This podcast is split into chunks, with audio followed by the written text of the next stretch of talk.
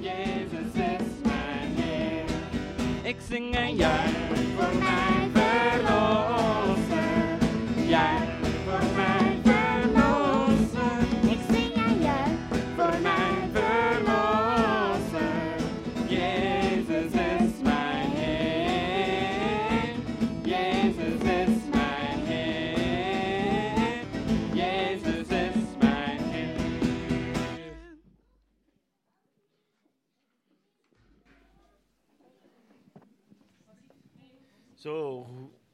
goedemorgen.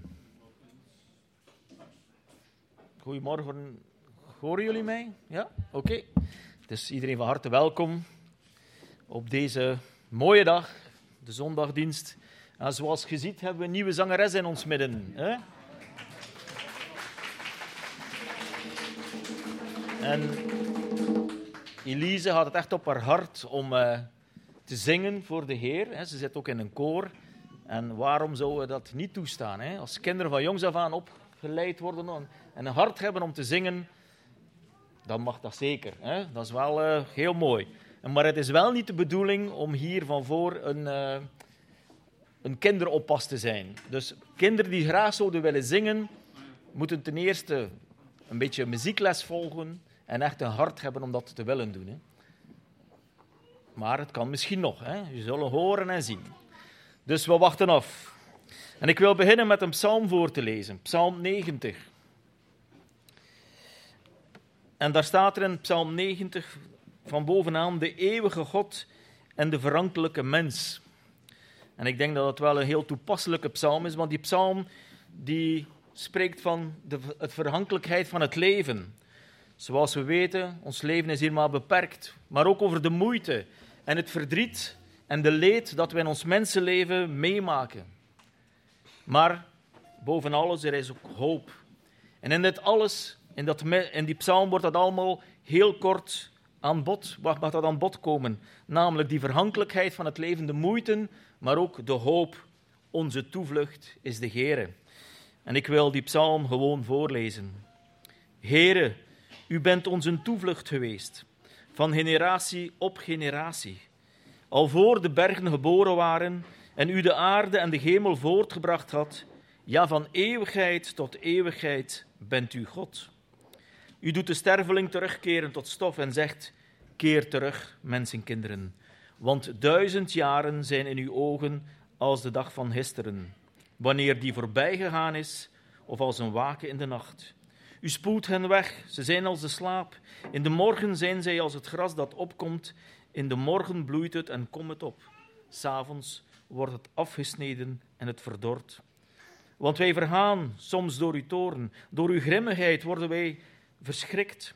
U stelt onze ongerechtigheden voor uw ogen, onze verborgen zonden in het licht van uw aangezicht. Want al onze dagen gaan voorbij door uw verbolgenheid. Wij brengen onze jaren door als een gedachte. De dagen van onze jaren, daarin zijn 70 jaren, of als wij zeer sterk zijn, 80 jaren. Maar het beste daarvan is moeite en verdriet, want het wordt snel afgesneden en wij vliegen heen. Wie kent de kracht van uw toorn en uw verbolgenheid? Wie weet hoezeer u te vrezen bent? Leer ons zo onze dagen tellen, dat wij een wijs hart verkrijgen, o Heere. Keer terug, Heere, hoe lang nog? Laat het u berouwen over uw dienaren. Wel za- verzadigt ons in de morgen met uw goedertierendheid. Dan zullen we juichen en verblijd zijn tijdens al onze dagen. Verblijd ons overeenkomstig de dagen waarin u ons verdrukt hebt. Overeenkomstig de jaren waarin wij het kwade gezien hebben. Laat uw werk aan uw dienaren gezien worden, de glorie over uw kinderen. De lieflijkheid van de Heere, onze God, zij over ons. Bevestigt het werk van onze handen over ons. Ja, het werk van onze handen bevestigt dat. Een beetje een moeilijke psalm, maar zoals ik al zei, het drukt het leven uit. En ik wil nog terugkeren op dat ene van verzadigt ons in de morgen met uw goedertierendheid. En ik denk dat dat heel belang- bel- belangrijk is dat we de Heer s morgens zoeken, omdat we inderdaad mogen vervuld zijn in moeilijke tijden. Want, dan schrijft gij, dan zullen wij juichen en verblijd zijn tijdens al onze dagen. Ook in die, tij- in die dagen waarin we moeite hebben, waarin we ja, verdriet kennen. Dat was een gebed van Mozes, de man Gods. Zo, eh, ik wil de dienst openen in gebed.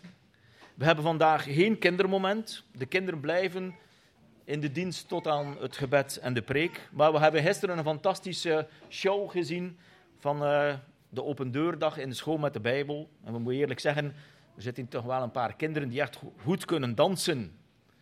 Het was mooi om dat te zien. En er is er zelf eentje die een hele lange tong had. Dat heb ik ook gezien.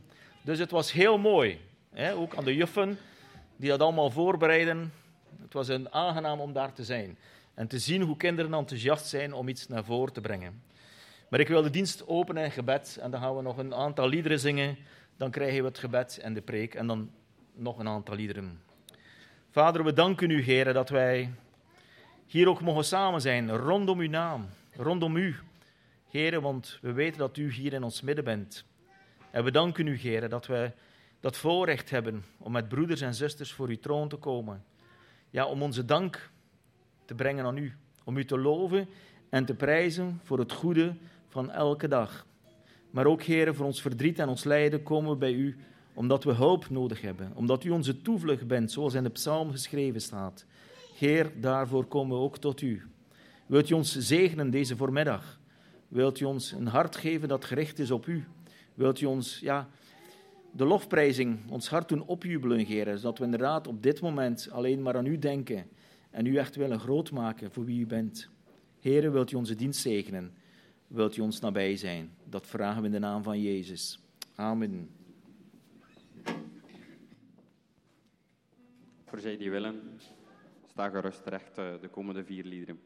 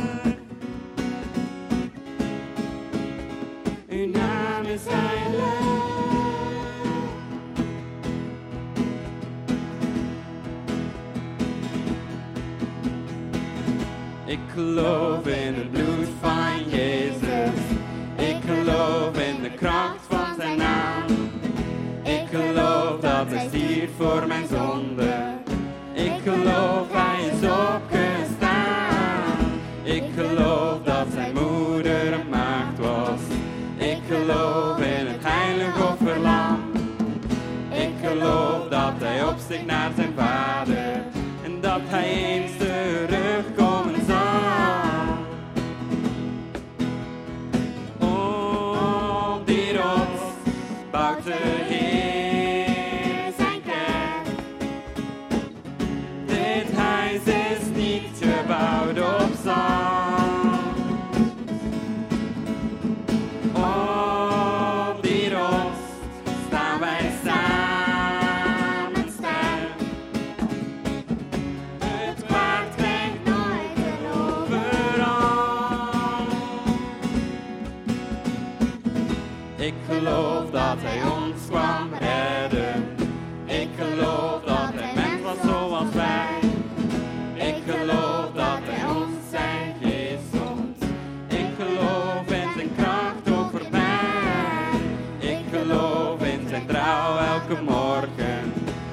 Tanzania.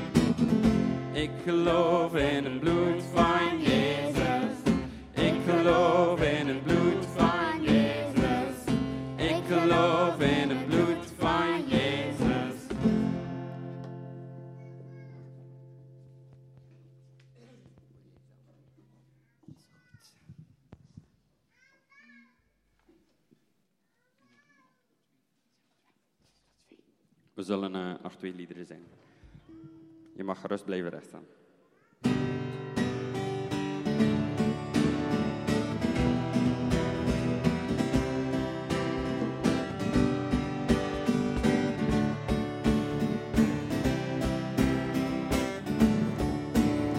keer een glorie van de fans is niet waar ik naar ons zoek ben.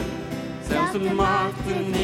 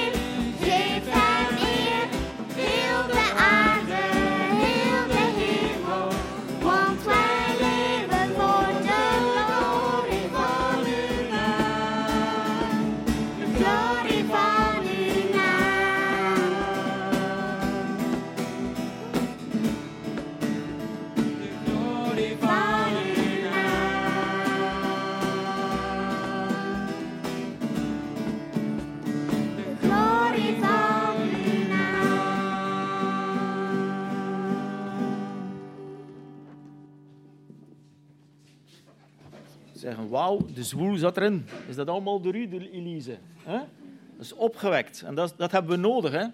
Mensen, we moeten ondanks alles positief blijven. Maar God is goed. En ik wil nog bidden voor de kinderen. Ze kunnen dan daarna met Kurt meegaan naar de zondagklas. Vader, we danken u voor onze kinderen, heren. We danken u dat u ze aan ons toevertrouwd hebt. Heren, de zielen. En we bidden dat ook die zielen mogen gewonnen worden voor het evangelie. Door Gods genade, door uw woord. Wilt u dan ook Kurt zegenen, zodat zij ook zij iets mogen bijleren. En overtuigd geraken van het wonder van Jezus Christus. Het wonder van de schepping. Het geloof in God. Vader, u bent de vader van ons allen. En we bidden voor de kinderen, heren, dat u ze trekt, omdat ze niet verloren zouden gaan. Wilt u hen allen zegenen? Dat vraag ik in de naam van Jezus. Amen. Zo, jullie mogen naar de zondagklas.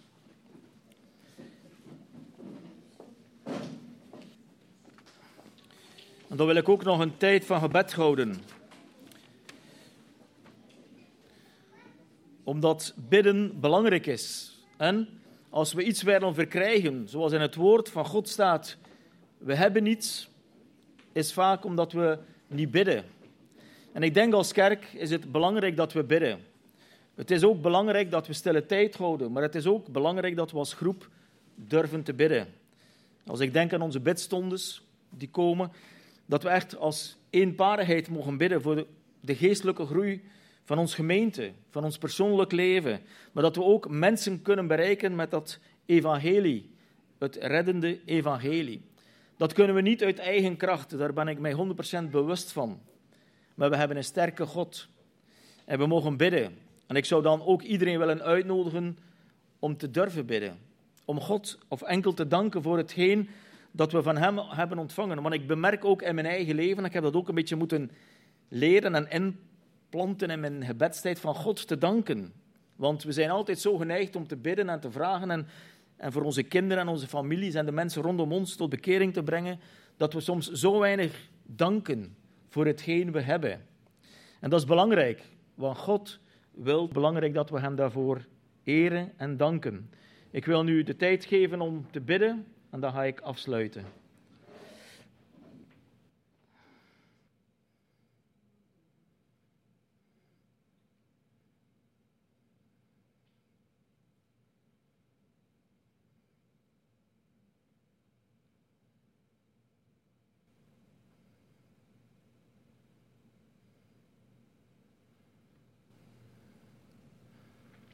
Jezus, wij danken u, Heer.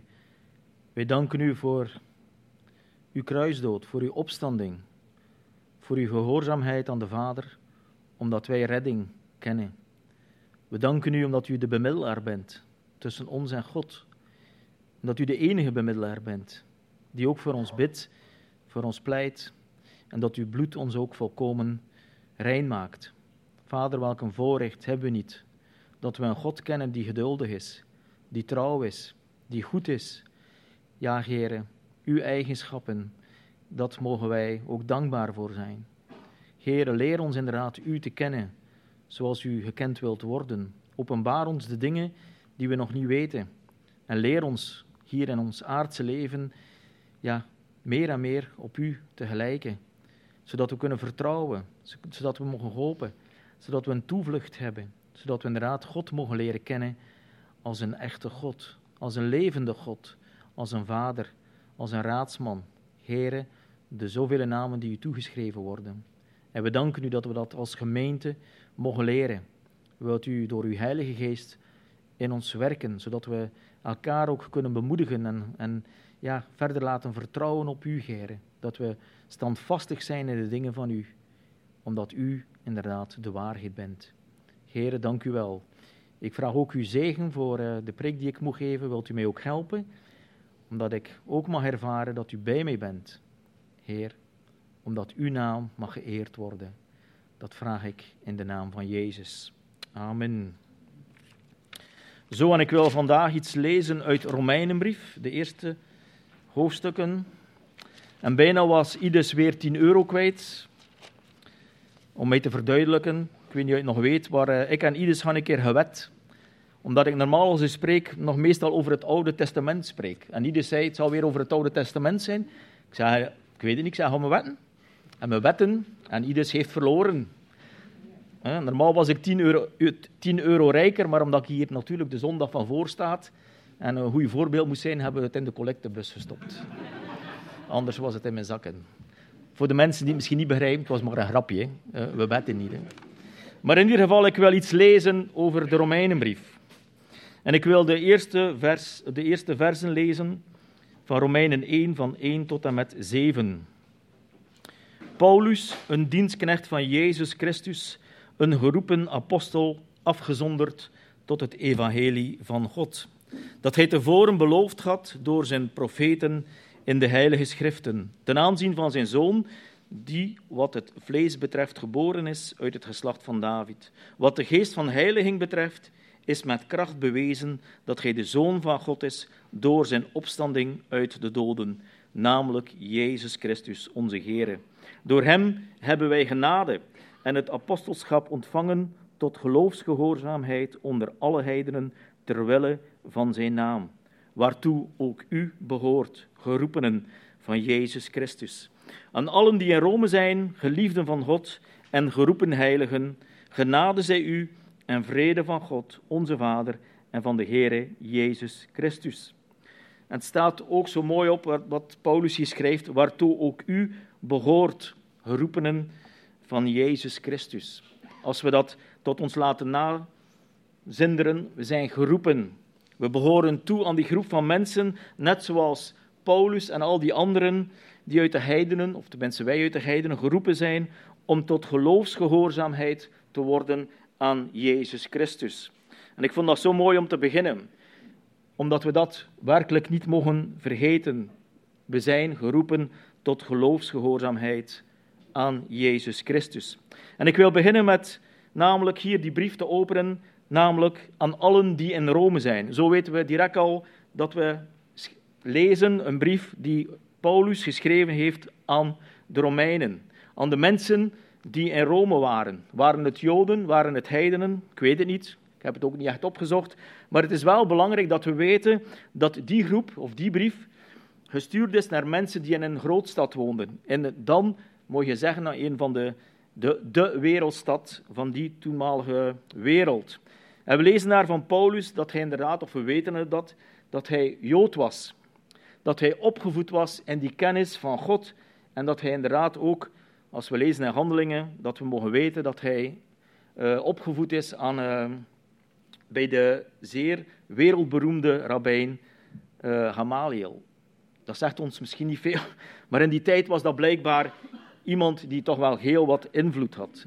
En natuurlijk, Paulus was ook Grieks of sprak Grieks, dus dat was ook wel een voordeel als hij dan straks het evangelie ging vertellen in de toenmalige wereld, dat hij bijna ja, iedereen kon aanspreken. Want Grieks was dan, zoals nu een beetje het Engels is, de overheersende taal. Dus het was belangrijk dat zo iemand uitgezonden werd met kennis, met wijsheid, om het evangelie te kunnen verkondigen. En ik wil in feite beginnen met eerst Paulus maar een paar dingen aan te halen. Namelijk, Paulus was een fariseer. En uh, als we weten wat een fariseer is, dan weten we dat die mensen ultra-orthodox waren. Zoals we dat nu zouden noemen.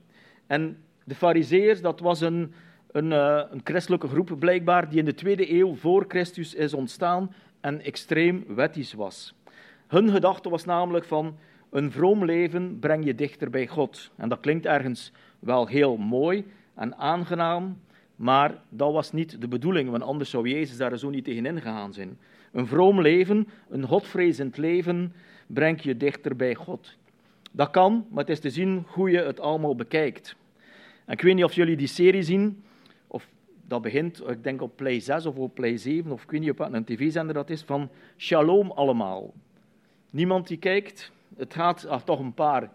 Dus ik vind dat ook zo mooi. En als, je, als we een beetje kijken de laatste tijd, op de televisie zijn er soms nu en dan een keer een film die het orthodoxe leven van die mensen uh, in beeld brengt. En het verwondert mij altijd hoe mensen zo strikt leven. En in die reportage kwam er ook naar voren dat Jood zijn, en vooral dan orthodox Jood zijn, een heel moeilijke opgave is. Ik zou zeggen, als jullie, ik denk dat het dinsdag is, de dinsdagavond, als jullie eens willen kijken hoe Play 4 of wat dat ook is. Maar in ieder geval, het is de moeite waard. En dat heeft mij altijd al geïnteresseerd. Namelijk als ik een film zie over het leven van ultra-orthodoxen.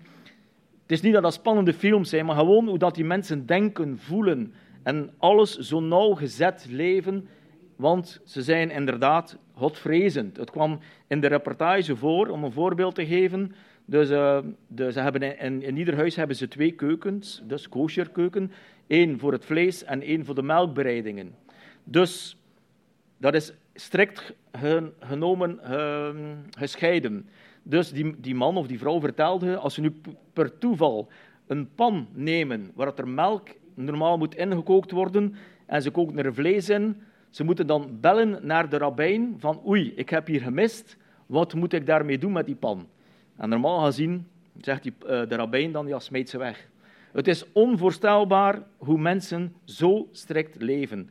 En inderdaad, dat is een zeer moeilijk leven, want ze hebben regels tot en met dat je zegt, het is ja, onmenselijk om dat te volgen. Maar dat is een opvoeding, dat is hun identiteit en ze blijven daarin ook volharden. En aan de ene kant is dat heel mooi, want ze, ze zijn heel bewust, maar heel bewust, dat weet ik natuurlijk niet, maar ze zijn toch wel bewust van die aanwezigheid van God. En ze doen dat door regels en wetten te houden. Want zoals ik al zei, ze denken, een vroom leven brengt ons dichter bij God. Ze zijn het uitverkoren volk, ze hebben regels en wetten gekregen, maar of dat dan nu in zulke situatie en in zo strikt moet zijn, dat is nog wat anders. Nog een voorbeeld in een van die films dat ik gezien heb.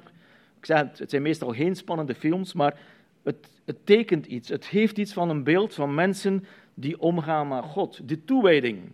En dat is misschien daarom dat ik zo graag kijk, omdat ik die toewijding niet altijd heb naar God toe. Zoals die mensen dat alle dagen doen als ze binnenkomen in het, in het huis, dan zeggen ze al iets van shalom of zo, maar ik weet het niet. En in ieder geval, elke handeling dat ze doen in hun denken verwijst naar God. En dat is iets wat mij soms ontbreekt, als ik eerlijk mag zijn. Misschien is het daarom ook dat ik me daar toch een beetje voel, van aangetrokken voel. Maar het is echt absurd. Nog een voorbeeld.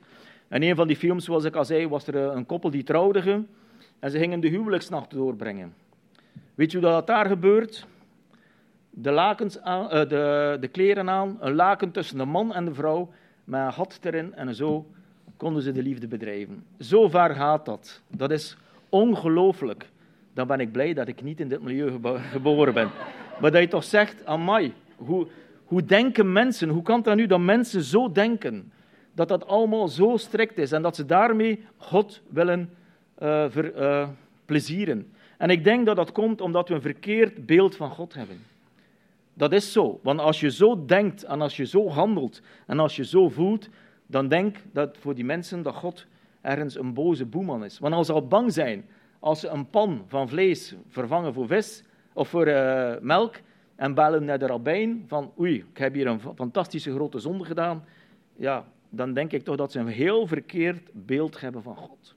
En ik, zoals ik al zo vaak heb aangehaald, het Oude Testament heeft mij God ergens laten zien zoals ik denk en zoals ik voel en ervaar, ook vanuit de Bijbel, hoe, wie God werkelijk is.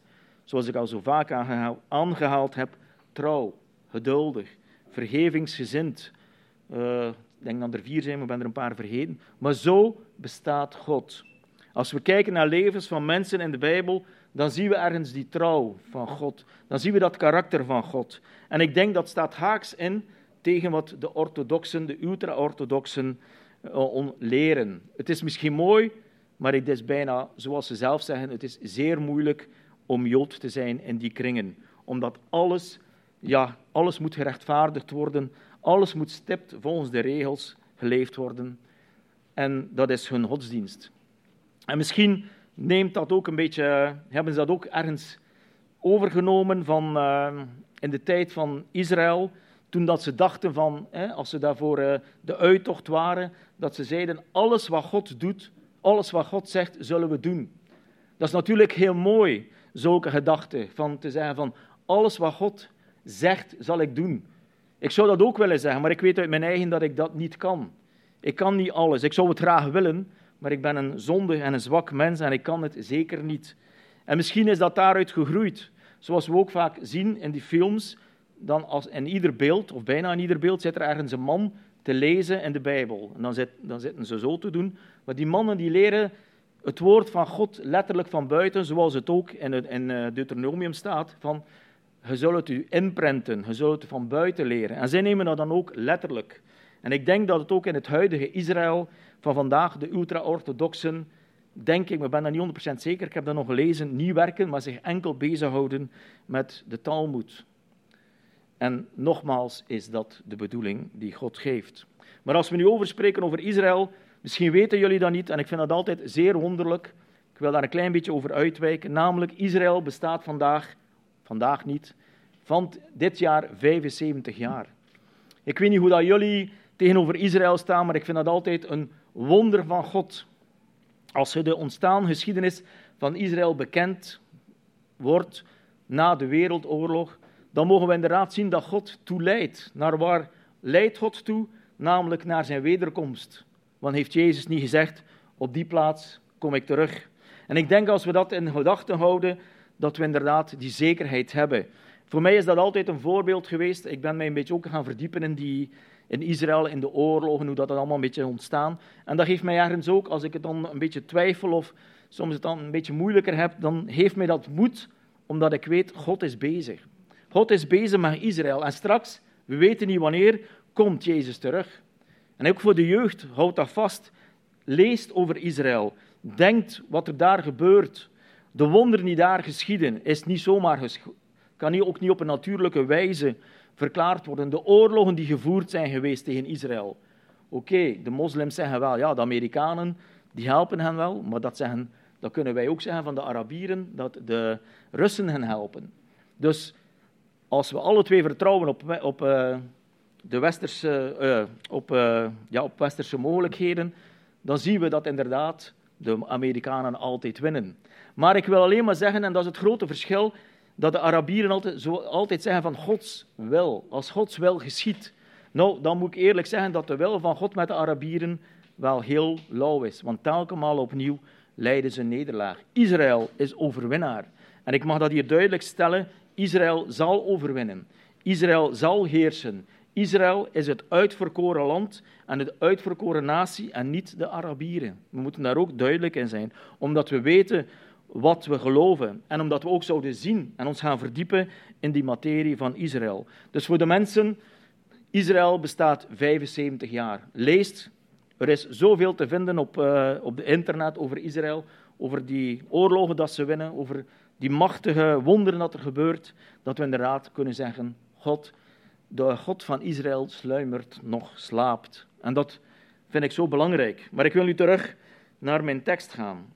Dus we hebben die grootstad, we hebben Rome, en dan lezen we ook in één, en misschien wil ik dat ook nog ergens verduidelijken, er staat niet veel in, hier in onze Romeinenbrief, over homoseksualiteit, maar hier komt dat wel naar voren. En waarom komt dat naar voren? Omdat die stad, die wereldstad, in die tijd echt een centrum was van homoseksualiteit. Dat lezen we ook in een van de hoofdstukken hier, in het eerste hoofdstuk. En van de vijftien keizers waren er veertien die homoseksualiteit uh, praktiseerden. Dus, dus misschien kunnen we ons daar meer een beeld van stellen waarom dat Paulus in de eerste brieven daar zo tegenin gaat. Omdat ze inderdaad ja, in een groot stad, en dat is bijna in alle steden zo, daar komt de zonde nog meer tot uiting. En hier was dat ook zo. Maar er was ook een gedachte namelijk dat de Joden beter waren dan de heidenen. Zoals nu nog, hè, dat de Joden beter waren dan de heidenen. Dat lezen we soms in, de, in het evangelie, of tenminste in de brieven. En dat het uh, soms uh, twisten waren. Denk maar aan, uh, aan in handelingen waar er ook twisten waren. Dus de Joden dachten dan altijd dat ze beter waren dan de heidenen. En misschien dachten de heidenen op de duur wel dat ze beter waren dan de Joden. Want zo zijn we nu eenmaal. Hè. We denken dat we altijd beter zijn dan anderen. En dan zegt Paulus dan mooi zo op in Romeinen 2, vers 1. Daarom bent u niet te verontschuldigen, o mens, wie u, ook, wie u ook bent die anderen oordeelt. Want waarin u de ander oordeelt, veroordeelt u zelf. U immers die anderen oordeelt, doe dezelfde dingen. En dat wil ik meegeven.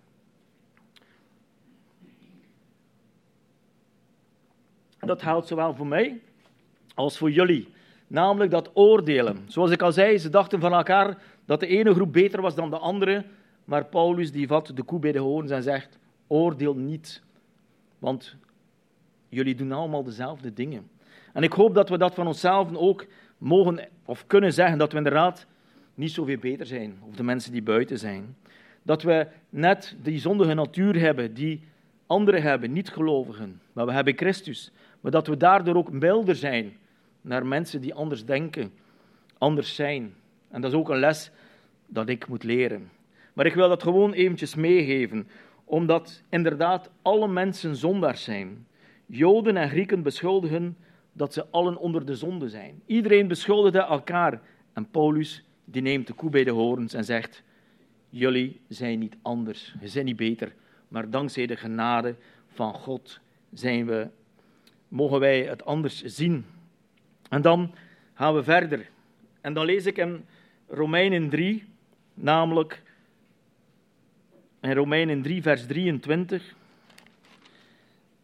Namelijk, Paulus heeft daar het evangelie gebracht voor de Joden, voor de Grieken. En dan wil hij iets vertellen. En dat is het evangelie dat hij vertelt. Want allen hebben gezondigd en missen de heerlijkheid van God en worden om niet gerechtvaardigd door zijn genade, door de verlossing in Jezus Christus. Als we kort samenvatten, is dat het evangelie. Die mensen daar in Rome, in, in Rome die hadden zondige gewoonten, zondige gedachten, zondige ideeën. Dus ze kenden het woord van God niet. Allen hebben gezondigd, zowel de Grieken als de Joden, als wie dan ook. Dus oordeel niet over elkaar. We zijn allemaal gelijk en geen haar beter. Want de geheime zonden, ik weet niet als je het misschien opgemerkt hebt, maar in de psalm dat ik vanmorgen gelezen heb, daar staat er, de geheime zonden uh, verzoent God ook. En ik denk dat we allemaal wel op een of andere manier iets hebben dat we misschien niet aan de buitenwereld te durven vertellen. Maar we zijn allemaal, als we eerlijk zijn, geen haar beter. Dus het evangelie wordt verteld hier aan de Romeinen door deze brief. En nogmaals, allen hebben gezondigd en niemand kan tot God komen. Ook niet die Joden, ook niet die ultradoxe Joden. Niemand. Ze missen de heerlijkheid van God. En worden, en worden om niet gerechtvaardigd door zijn genade, door de verlossing in Jezus Christus. Dat is het evangelie, heel kort, heel eerlijk. We worden om niet gerechtvaardigd. We moeten daar niks voor doen dan enkel te geloven door de verlossing van Jezus Christus. Dat is een hele openbaring voor die Romeinen. Misschien voor de Joden was het ook een hele strijd, want zoals ik al zo vaak heb aangehaald, als je iets gelooft en een opvoeding meekrijgt die haaks tegen de Bijbel ingaat, tegen je daarvan verlost bent, dan duurt dat wat eventjes. En ik denk daarbij ook aan Paulus. Paulus is inderdaad een fariseer die opgevoed is in, het, ja, in de wetten en uh, de ding van uh, de, de Tenach, of de Torah. En plots krijgt hij daar een buitengewone verschijning. Hij ziet daar God. Dan denken wij dat Paulus dat onmiddellijk allemaal heeft verwerkt en richting uh, evangelisatie. Als ik, ik las in een van de commentaren dat het tien jaar heeft geduurd voordat Paulus pas dan op zijn zendingswerk ging. En ik denk dat dat nodig is om na te denken en, en te overleggen en, en, te bidden en te zoeken van, ja, wat is dat hier allemaal? Is dat wel juist wat ik hier heb gehoord? En ik denk dat het ook een tijd dat we nodig hebben om te groeien naar God toe. Er zijn er maar weinigen die in het begin van tot bekering komen en alles weten. Het is een groei. En zoals ik al zo vaak heb aangehaald, de een groeit sneller dan de andere. Maar we moeten elkaar daar ook in het geduld in geven. En ook, zoals ik, ik heb nog onlangs dat gelezen en ik vond het ook zo mooi, namelijk, misschien kennen jullie hem ook, Oswald Chambers, die zegt er in een van zijn dagboeken, zegt hij namelijk het volgende, dat we niet zo overtuigd moeten zijn over goddelijke dogma's. Natuurlijk, we weten dat Jezus Christus is gestorven, maar zeker zijn dat bepaalde dingen kunnen of niet kunnen, zegt hij, daar zou ik mee oppassen. Want als je een gedachte hebt, ik ga nu maar bijvoorbeeld iets noemen van uh, tongentaal, als we nu 100% zeker zijn dat tongentaal niet kan, dan, dan zegt hij, dan zal God het u ook nooit openbaren. Als je zo overtuigd bent van uw gelijk, dan zal God het u ook niet openbaren. Misschien wordt je het ook niet openbaard, maar het is bedoel maar, we moeten openstaan voor twijfels. We moeten durven nadenken en God vragen van wat moet ik daarmee doen? Ik, zoals ik al zo vaak heb aangehaald, ik heb jaren geleden gevraagd, God, mag ik in tongen spreken? Ik spreek nog altijd met mijn tong, maar niet in tongentaal. Ik heb het nog niet ontvangen en ik zal het misschien ook nooit ontvangen.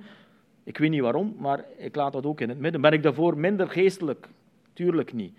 Maar het is niet aan mij gegeven. Maar ik wil het ook niet afdoen of dat het van vroeger was. Ik sta er gewoon voor open.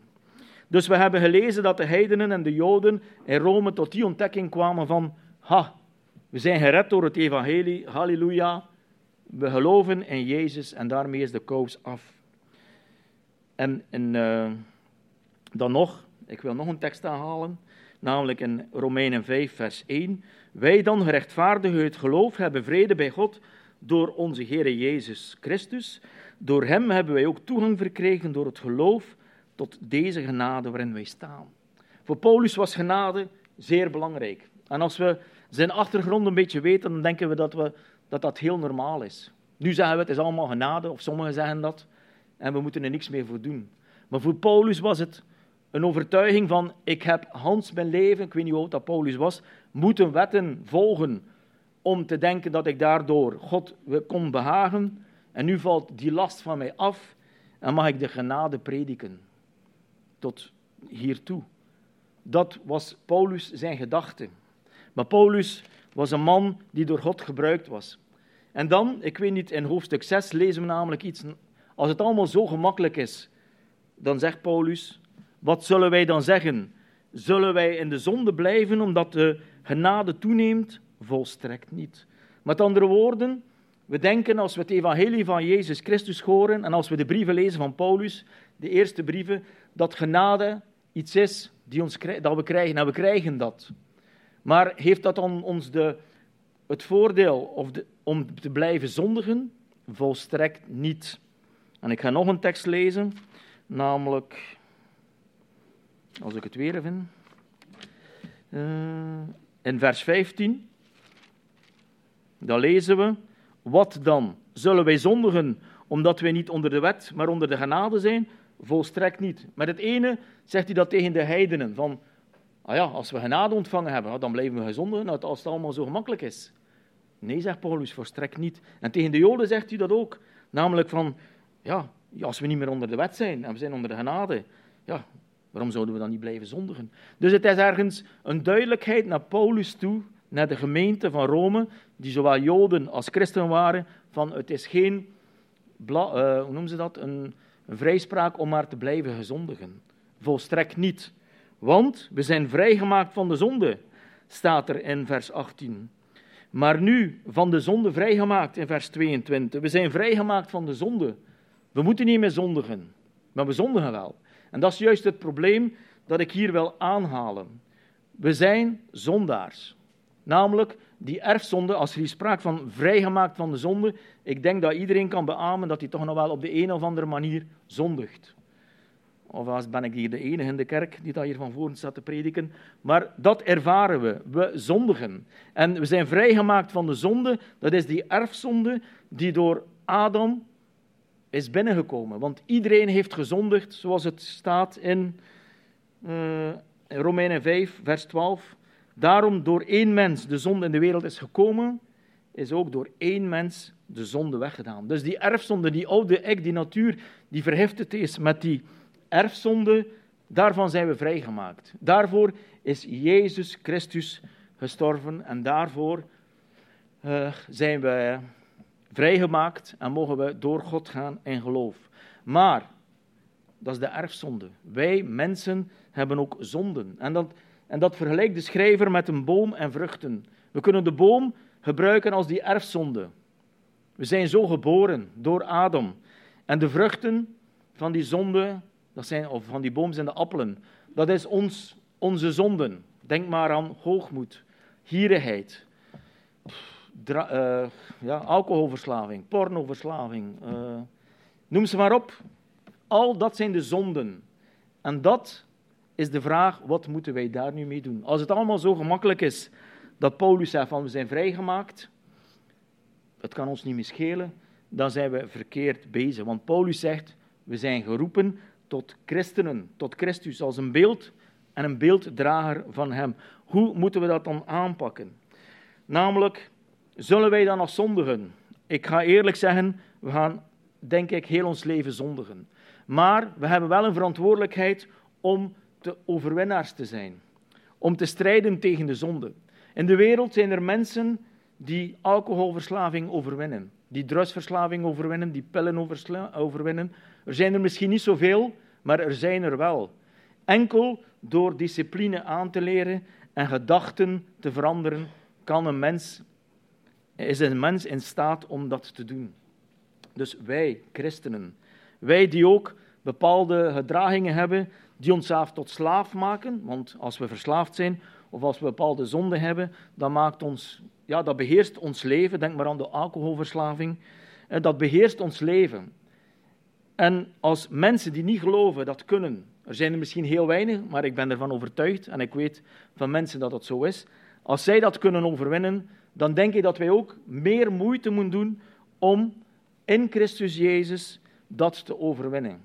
Namelijk die zonden, bepaalde zonden gaan we niet zomaar kunnen wegdoen. Het zal van ons een soort motivatie moeten vragen, een soort anders gaan denken, strijden tegen de zonde, noemt Paulus dat. En ik denk dat ik ook dat vandaag wel eventjes mag zeggen dat het allemaal niet zo gemakkelijk gaat en niet zo verblijvend is. Het is misschien een leerproces, maar het is wel zo dat op een of ander punt in uw geestelijk leven een zonde die niet te overwinnen is, dat je er moet tegen ingaan. En dan kun je roepen en bidden tot morgen vroeg, jij gaat die stap moeten zetten. Jij gaat moeten bewust worden van je denken van kijk, wat er nu in mij opkomt, die gedachte, dat wil ik niet. En als je zegt dat dat niet kan, dan geloof ik niet.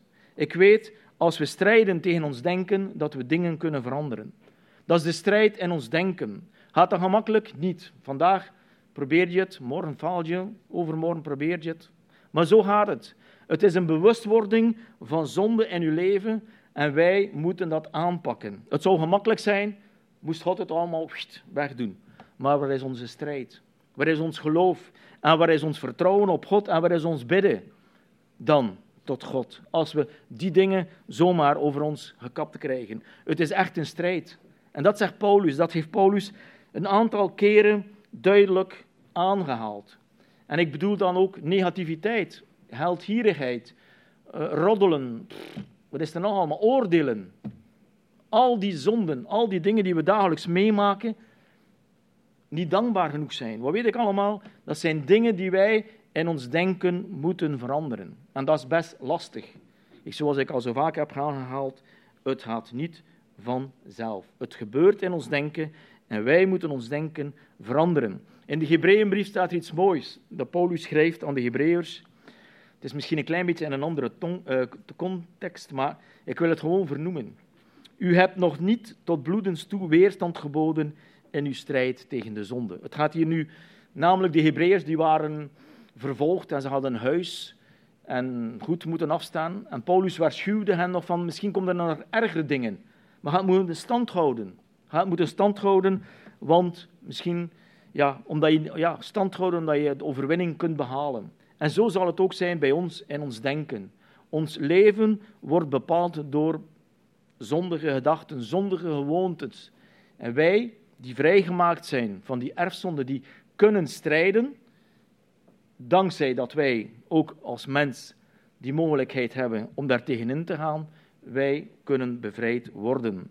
Maar ik ga eerlijk zeggen, en ik wil ook de moed niet ontnemen, als God het ziet, want het lukt niet altijd, en het zal soms jaren duren dat bepaalde dingen overwonnen worden, maar laat u niet misleiden dat je daardoor niet gered zou zijn.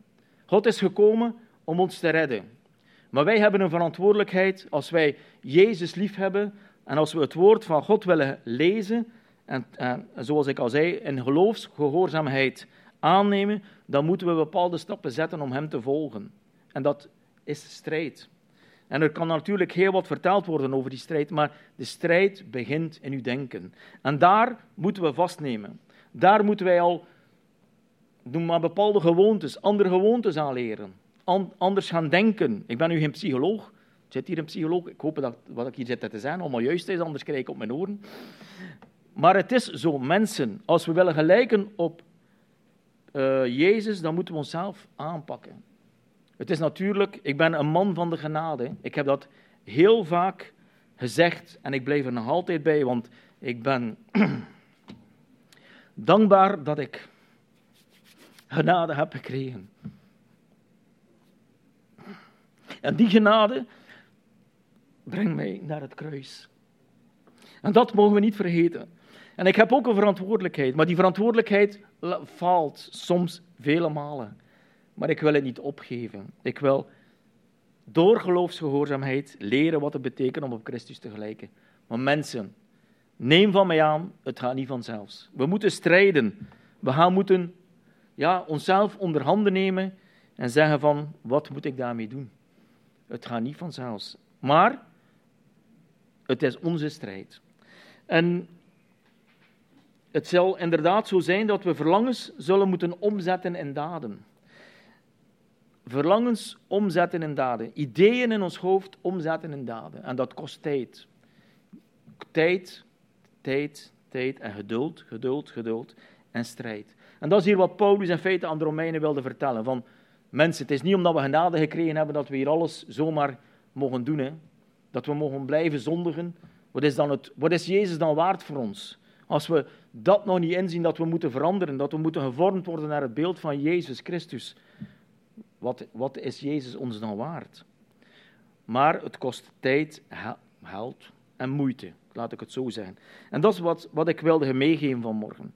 Namelijk, Jezus is genadig. En daar ben ik van overtuigd. We zijn, als we geloven, zijn we gered. Maar willen we groeien? Ik heb namelijk het, het idee, of het idee, dat is ook weer zoiets, een, het verlangen als wij als kerk dat we geestelijk mogen groeien. Dat we een levende gemeenschap mogen zijn van gelovigen. Zoals we vanmorgen hebben gezongen, hoe, ik voelde dat toch, hoe enthousiast we waren als we hier samenkwamen. Misschien ligt het aan mij, misschien niet, maar het is niet altijd zo. Maar dat we als gemeenschap ook dat mogen hier in de pottenbakker ja, laten groeien. Dat we durven te bidden om dingen te doen veranderen, omdat mensen tot bekering komen. We zijn geen denk ik, geen evangeliserende kerk. Denk ik. En ze zeggen vaak, zo de leiders, zo het volk. Dus ik moet naar mezelf kijken. Ik ben ook geen evangelist. Dat geef ik eerlijk toe. Zelfs heb ik soms schrik om te vertellen. Ik heb het ook al dikwijls gezegd. Maar juist die dingen moeten ons leren om te overwinnen. En op Jezus Christus te zien, de genadevolle. Dus met andere woorden, en ik wil hiermee afsluiten, strijd in ons denken. We hebben genade gevonden en ik wil daar blijven op hameren. God is genade. We gaan daarvoor de hemel niet missen. Maar we, uh, uit ons natuurlijk verlangen en door de kracht van de Heilige Geest en doordat de Heilige Geest in ons woont, hebben we toch het verlangen om te gelijken op Jezus. Als het goed zit, hebben we dat allemaal. En als we gezondigd hebben, dan voelen we ons down. Dan kunnen we onze zonde beleiden, dan kunnen we opnieuw verder. Maar we moeten ook de zonde durven aan te pakken met vallen en opstaan. En dat is mijn boodschap. Dat we als gemeente mogen groeien naar die heerlijkheid van God. En dat er geloof mag zijn. Ik denk vaak als Jezus terugkomt, er, dan zegt hij, gaat er nog geloof zijn? Gaat er nog vertrouwen zijn? Of zullen we, wereldsgezind zijn? Dat is iets dat ik voor mezelf vaak uh, toe, toebreng. Namelijk dat ik moet oppassen dat ik niet te wereldsgezind ben. Dat ik een, een geloof heb die toch op Jezus ziet en niet op omstandigheden en niet op mensen en niet op wereldse dingen, machten, maar echt op Jezus. En dat is iets dat ik niet dagelijks, maar dan regelmatig mezelf moet, moet uh, wijsmaken. Dat ik moet stand houden. Dat is ook zo. Als we verdriet kennen, als we lijden kennen, dat we onszelf moeten vermanen om stand te houden. Dat zijn allemaal in feite strijden in ons denken. Want we kunnen alles, we kunnen het gemakkelijk weggooien. Maar de gevolgen zijn dan ook zeer radicaal. Namelijk, Jezus is voor ons aan het kruis gegaan. Hij is de overwinnaar. En hij is het waard dat wij ons leven laten leiden door hem. Met strijd en moeite. Denk aan de Joden. Die zeiden van die ultradoxe Joden, het leven van een Jood is zwaar. Door al de regels. En ik ben blij, zoals ik al gezegd heb, dat ik zo niet ben opgevoed. dat ik niet in die kringen ben opgevoed, maar ik wil me wel inzetten met vallen en opstaan om toch wat Paulus schrijft, om te strijden tegen bepaalde zonden, tegen bepaalde denkbeelden, tegen bepaalde karaktertrekken, noem maar op, om toch gelijkvormig te worden aan Christus, want dat is ons doel. Zo, ik wil nog afsluiten. Heer Jezus, wij danken u dat wij op u mogen zien. En heren, we kunnen het inderdaad niet uit onszelf. Daar ben ik bij volledig van bewust. Ik ben u ook dankbaar dat ik genade heb ontvangen en dat ik mij ook daarvan bewust ben dat niets of niemand mij kan scheiden van de liefde van Jezus. Heer, maar ik ben ook een zondig mens en ik wil ook veranderen naar het beeld van Jezus. En wilt u mij helpen om dat ook in de praktijk te laten omzetten in daden? Omdat u in mij verder kunt werken. Omdat ik ook, Heer, mag leren trouw te zijn en door geloofsgehoorzaamheid opgebouwd te worden in u. Heer, dank u wel voor uw woord van genade, voor uw woord van bemoediging, voor uw woord van troost. Wilt u ons zegenen? In de naam van Jezus vraag ik u dat. Amen.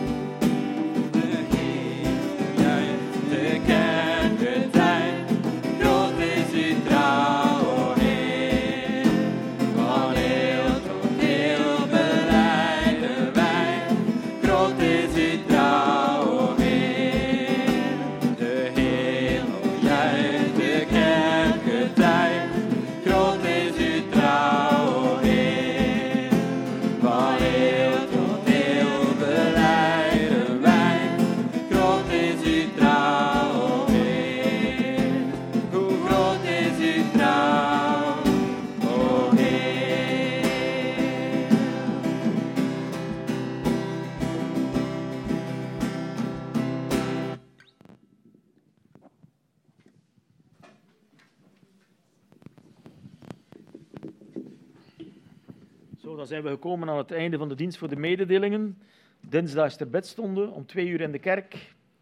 Volgende week bijbelstudie. En ik wil ook nog attent opmaken op morgen 1 mei in Artselaar. De Bijbeldag voor de mensen die willen gaan. De diensten zijn om 10 uur en om 2 uur. En ik denk dat er ook een, een affiche van achteren aan het prikbord hangt voor de mensen die willen gaan. 1 mei morgen ja, het lijkt iets leuks op 13 mei, een muziekfestival voor de jeugd. Voor iedereen. Oké, en dan mag ik David nog naar voren roepen. Nu zaterdag is een bijzondere dag in de geschiedenis van onze kerk. Weet iemand wat nu zaterdag is? 100 jaar bestaan van deze kerk. Dus volgende week zondag